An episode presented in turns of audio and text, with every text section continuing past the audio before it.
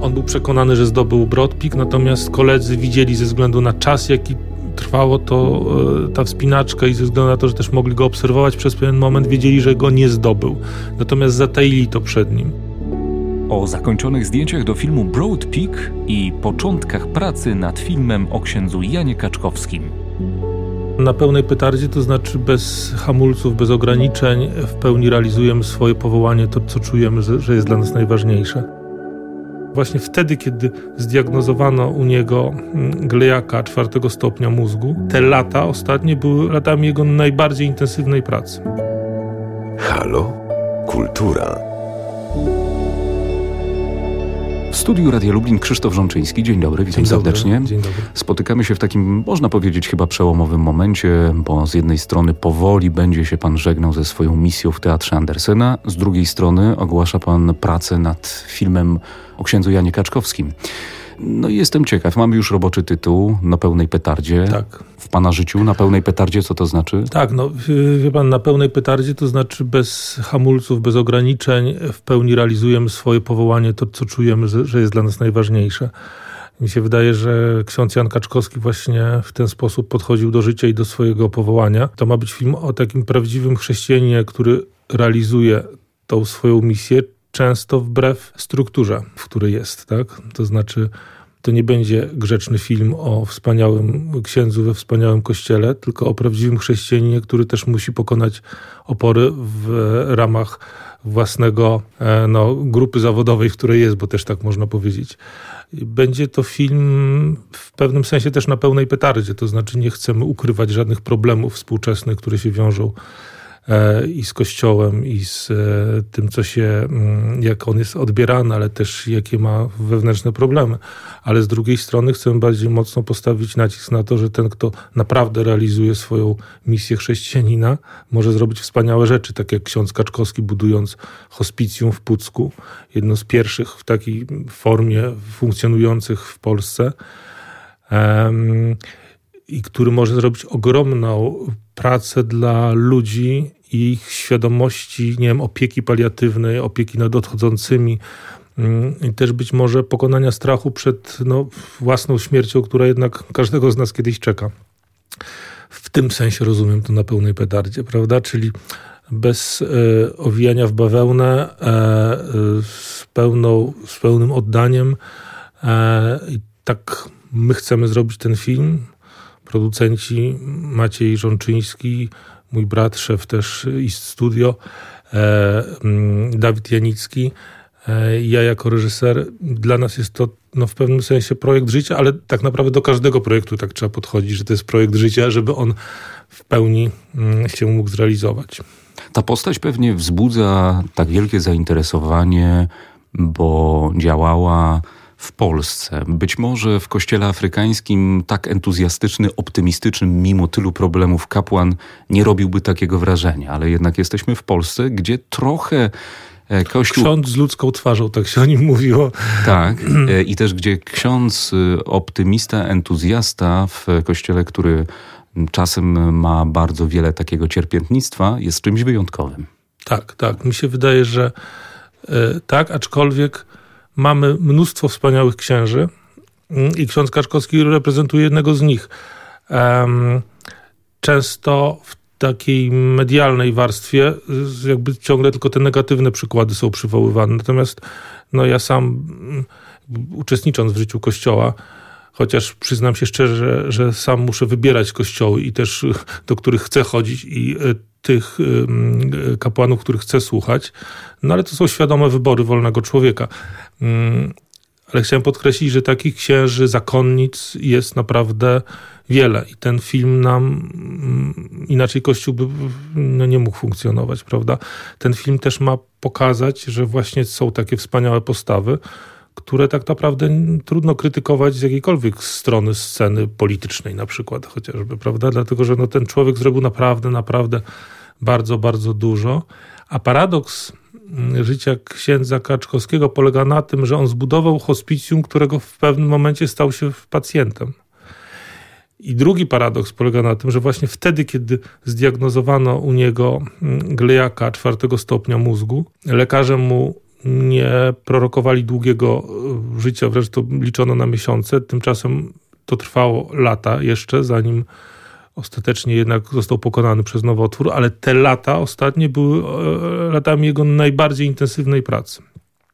Wtedy został tak naprawdę zauważony przez media e, te centralne. Wtedy e, wokół niego zrobił się no, mm, ogromne że tak zgromadzenie ludzi, którzy go i wspierali. Wtedy też do, do, dołączyli do niego ludzie też z innych fundacji zajmujących się prawda, opieką paliatywną, czy też w ogóle nowotworami.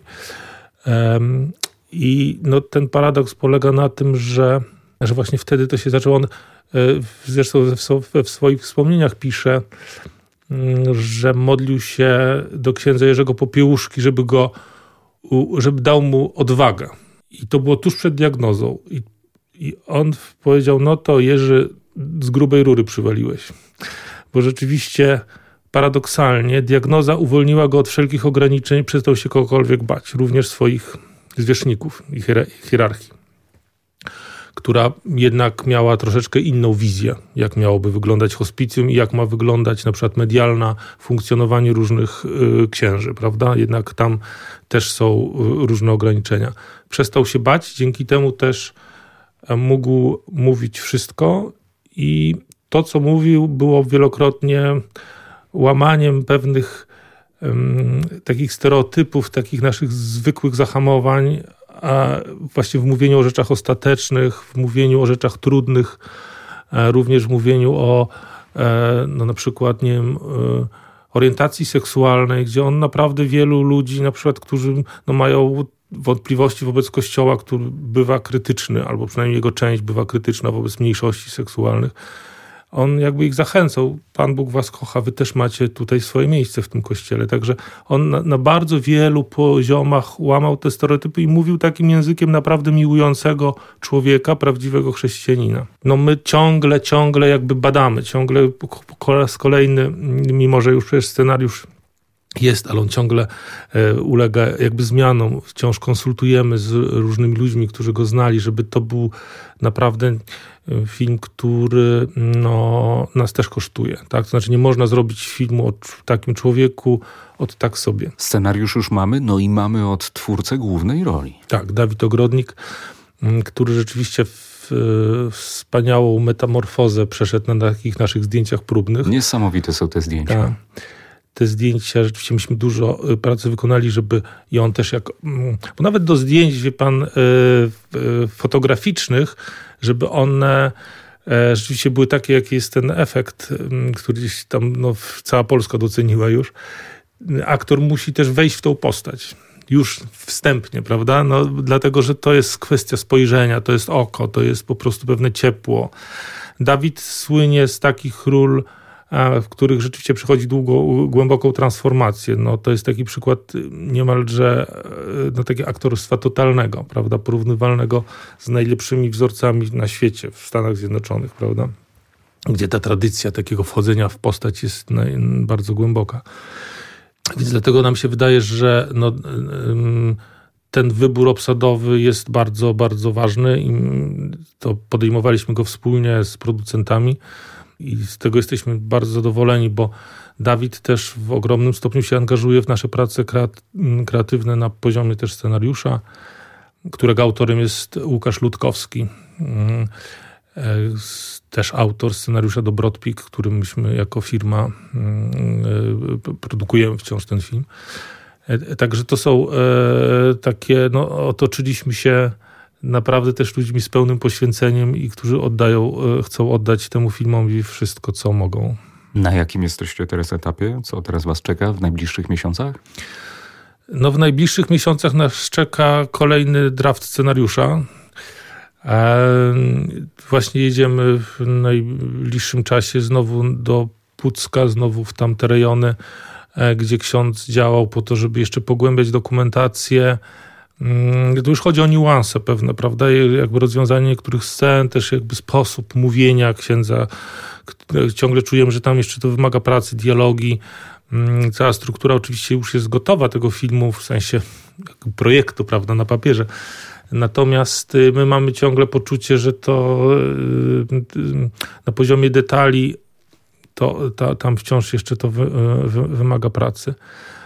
No a oczywiście producenci mają swoją część związaną jakby z, z całą organizacją y, zdjęć też niełatwych, dlatego że one będą musiały mieć y, takie dwuetapowe, ponieważ dwa etapy też życia księdza chcemy pokazać.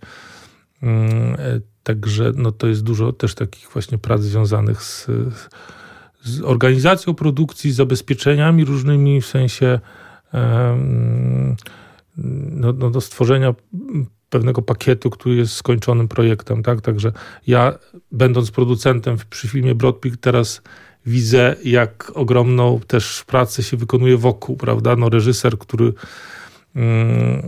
no, w pewnym sensie zbiera śmietankę z ogromnej pracy, która wcześniej jest zrobiona, żeby w ogóle to mogło się zdarzyć.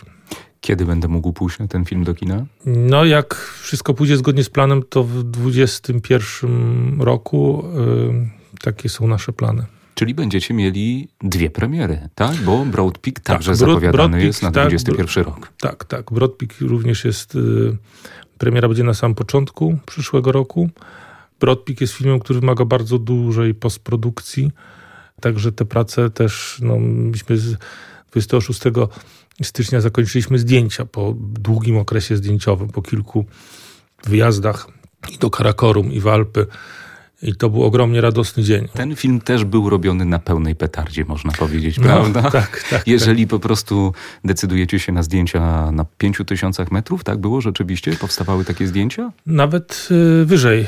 Y, to znaczy w Karakorum y, myśmy z, weszli z kamerą E, oczywiście w bardzo ograniczonej ekipie e, powyżej pierwszego obozu. E, prawda, czyli bo, bo to zdjęcia były robione w obozie pod K2. Natomiast, no a w Alpach, no najwyżej, no to zdjęcia były na Mont Blanc. Byliśmy w najwyższym schronisku położonych w Alpach, Refugio, Refugio Torino, na prawie, no tam 3,5 tysiąca metrów. Tam cała ekipa kilkudziesięcioosobowa E, no, mieszkała przez ponad trzy tygodnie. W tym roku i jeszcze w zeszłym roku, kiedy była kręcona część 88 rok, prawda, tam, jakby tam, tamtego filmu. Można by było cały ten film nagrać na przykład w Alpach? Wie pan, pewnie, pewnie można, można by było, ale my chcemy zrobić film, który ma lepszą jakość estetyczną i większe poczucie prawdy niż Everest, ten, który kilka lat temu był robiony z jeszcze większym budżetem, ale jednak w takim bardzo postprodukcyjnym w dużej części w, w wymiarze, że dużo jednak scen było na green screenach. My wszystko, co mogliśmy, robiliśmy w realnych warunkach, prawdziwej zamieci, oczywiście często też inscenizowanej, wspomaganej, tak, ale w prawdziwych warunkach gór wysokich i w zimie. To było e, dzięki temu, dzięki tej odwadze, duże też chyba wyzwanie technologiczne, prawda? Bo jednak przy tych wysokościach, tych temperaturach ta rzecz sporo Wam zajmowała uwagi, a więc to w jakiś sposób sprawi, żeby technologia no, choć na moment wygrała z naturą. Tak, tak, tak. To jest ogromna też zasługa, bo w tym wypadku yy, właśnie filmu Broadpeak, no to mm, trzeba powiedzieć, że dobranie takiej ekipy, która by sprostała tym wyzwaniom fizycznym też, nie tylko artystycznym, ale fizycznym, no to też, to, to, to też było bardzo ważne decyzje, prawda? No, reżyserem e, filmu Broadpeak jest e, e, Leszek Dawid, praw, człowiek, którego ja znam ze szkoły filmowej, my się od dawna, dawna znamy i pamiętam, że on na pierwszym czy też drugim roku robił taki film górski, który średnio został przyjęty, ale ja widziałem, jaką on ma pasję za sobą związaną niesie ze sobą pasję związaną właśnie z górami, z wyczynem, z pokonywaniem jakby barier, tak? No i rzeczywiście ten pomysł nam przyszedł do głowy, żeby Leszka zaprosić do mm, produkcji tego filmu, do reżyserowania tego filmu. Leszek też dobra operatora, z którym y, długo wcześniej współpracował. W związku z też z, kolei Szwękiera i całą ekipę. Mm, także no, stworzenie takiego mocnego teamu było kluczowe, żeby w ogóle wytrzymać to i żeby nie szukać rozwiązań połowicznych ze względu na to, że no nie mamy kondycji, nie możemy to są góry wysokie, tam jest mało tlenu, każdy krok kosztuje, prawda? I teraz trzeba sobie wyobrazić, że ta ekipa musi nosić propelery, musi nosić czyli takie śmigła do robienia wiatru, e, musi nosić lampy, musi nosić kamery, sprzęt kamerowy, także, także tutaj wielkie szapoba dla całej ekipy, e, dla Łukasza Guta, autora zdjęć, mm, no ale ja jeszcze muszę podkreślić rolę producentów, czyli też właśnie Dawida Janickiego, Pawła Rymarza i Maćka Żączyńskiego oraz, no ja też jestem jednym z czterech producentów, no myśmy wykonali, a szczególnie chłopcy, gigantyczną robotę po to, żeby ten budżet dopiąć, żeby to wszystko się mogło zdarzyć. No jeszcze przed nami już ostatnia prosta, to jest postprodukcja i ta droga do, do premiery, no ale to taki rzeczywiście projekt, ja powiem bez jakiejś chwalenia się, ale wydaje mi się, że taki film na świecie w takim zakresie nie powstał. Taki film górski, który opowiadał o polskim, o w ogóle o himalaizmie zimowym, z mocną dramaturgią, ale z prawdziwym wejściem w tą rzeczywistą przestrzeń, z minimalną, tylko tam, gdzie jest absolutnie to konieczne, użyciem postprodukcji. Także mi się wydaje, że to się szykuje naprawdę parafrazując, prawda, no, mocna petarda, jeżeli chodzi o początek przyszłego roku. Nie mogę się doczekać tego filmu. Ta historia, historia Macieja Berbeki e, interesowała całą Polskę. Nagle też wszyscy oczywiście byli ekspertami od himalaizmu, od e, wspinaczki wysokogórskiej.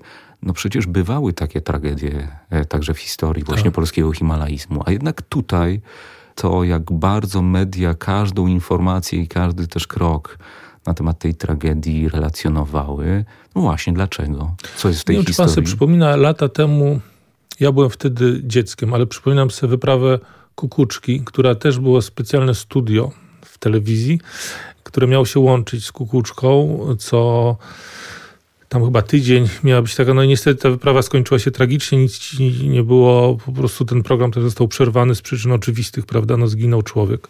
Wydaje mi się, że po latach, kiedy te media mm, stały się dużo bardziej uczestniczące w naszym życiu, ponieważ to i też media społecznościowe, i ilość tych stacji, wielość e, mm, sprawiły to, że właściwie mieliśmy taki, no trochę thriller na żywo. Dlatego, że po pierwsze, Wiadomo było, że Polacy próbują zdobyć Brodpik niezdobyty zimą do tej pory, nigdy, i że go zdobywają. Natomiast po tym entuzjastycznym obwieszczeniu, które obiegło wszystkie media, nagle pojawiały się komunikaty, że jednak dwójka ma problemy z zejściem, że nie wiadomo co się dzieje. I z każdą godziną jakby ten dramat narastał, aż skończyło się no tą fatalną tym fatalnym obwieszczeniem, że jednak się to no, zakończyło śmiercią e, Tomka Kowalskiego i Maćka Berbeki.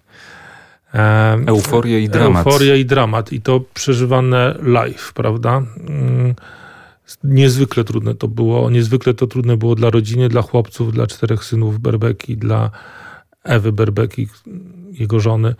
Maciek Berbeka 25 lat temu wcześniej wydawało mu się, że zdobył ten Brodpik. Natomiast w związku z fatalnymi warunkami pogodowymi jemu się wydawało, to znaczy do prawdziwego wierzchołka brakowało tam 17 metrów, ale żeby go zdobyć, to trzeba było jeszcze zejść w taką małą przełęcz i jeszcze raz wyjść na górę. On był przekonany, że zdobył Brodpik, natomiast koledzy widzieli ze względu na czas, jaki trwało to e, ta wspinaczka i ze względu na to, że też mogli go obserwować przez pewien moment, wiedzieli, że go nie zdobył. Natomiast zataili to przed nim.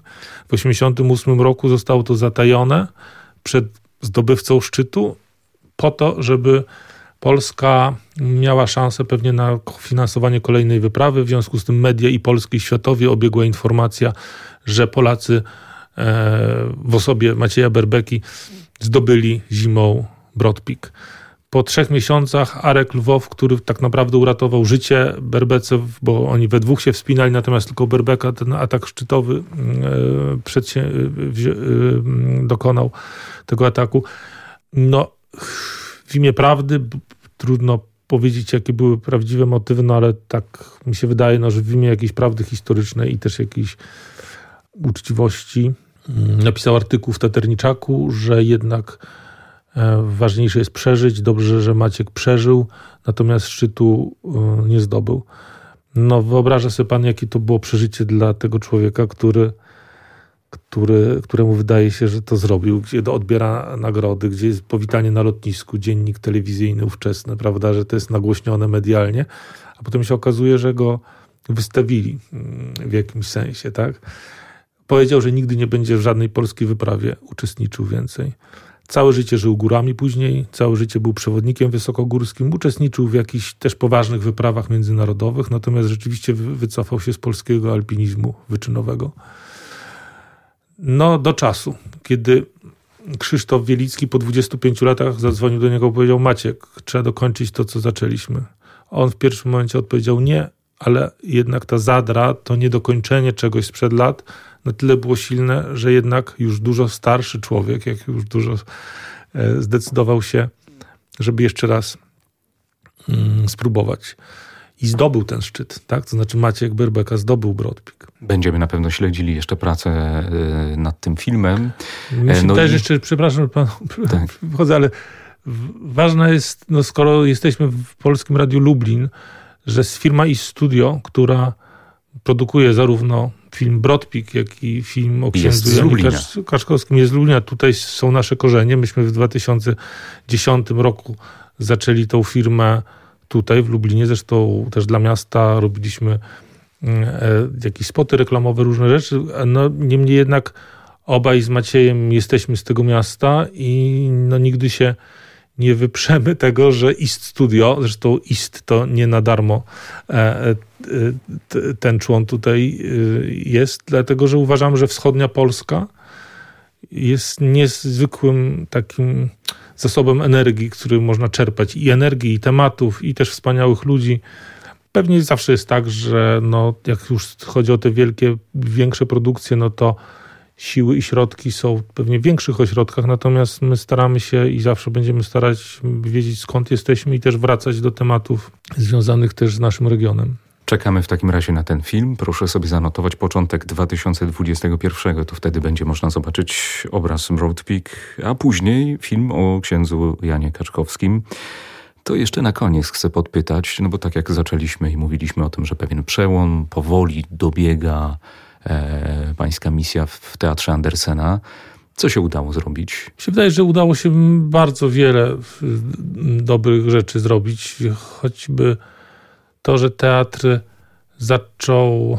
Mm, teatr zawsze był dobry artystycznie. Ja nigdy nie krytykowałem swoich poprzedników. Uważam, że on naprawdę stał na wysokim poziomie artystycznym.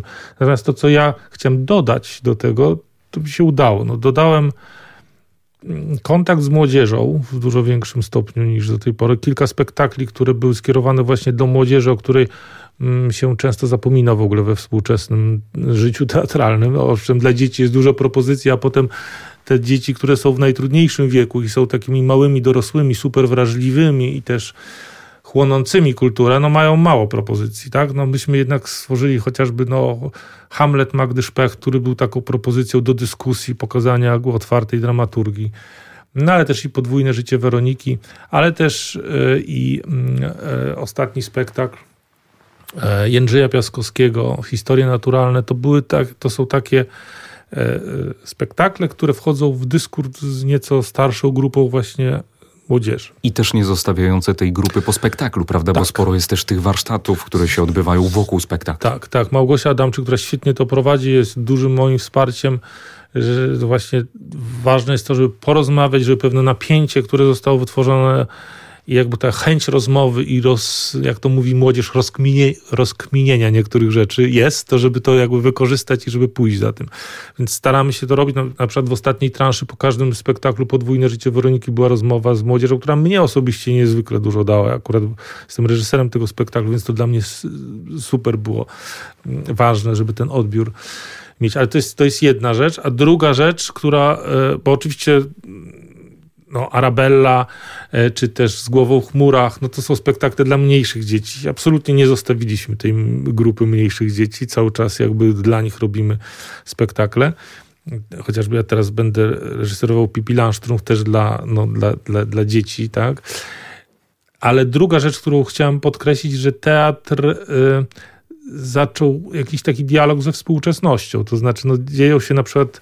E, rzeczy związane z naszym klimatem. Bardzo ważne smutne, ale wymagające jakiejś reakcji, prawda? Wszyscy roz, rozmawiamy o tym w takiej domenie publicznej, prawda, wśród dorosłych. Natomiast, żeby naprawdę coś się zmieniło, trzeba już dzieciom o tym mówić, prawda? Jak ważne jest e, ziemia, jak ważna jest dbałość o niej, co się dzieje z rzeczami, które nie my wyrzucamy, jak powinniśmy do tego podchodzić, żeby jednak zadbać o, o to, żeby to nie została ta planeta zniszczona. No i już w drugim spektaklu, chociażby właśnie w tym, którego premiera już będzie e, w sobotę, czyli Słowik i Babka Natura, odnosimy się do tych, e, do tych tematów, tworząc jednocześnie platformę do późniejszej dyskusji i do późniejszego do zastanawiania się, co ja jako widz, jako człowiek, który gdzieś żyje w jakimś miejscu tutaj w Lublinie czy w okolicach, może zrobić dla, tego, mm, dla tej naszej przyrody. No mówię o tym ostatnim spektaklu właśnie, który, e, którego premiera będzie za chwilę.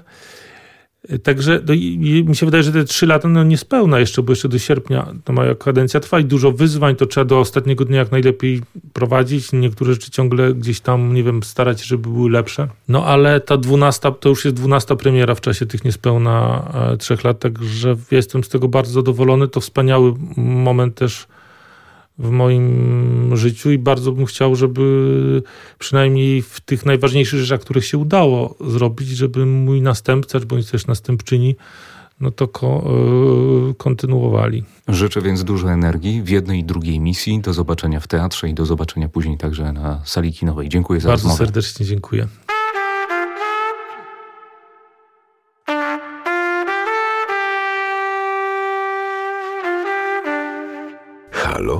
Halo? Kultura.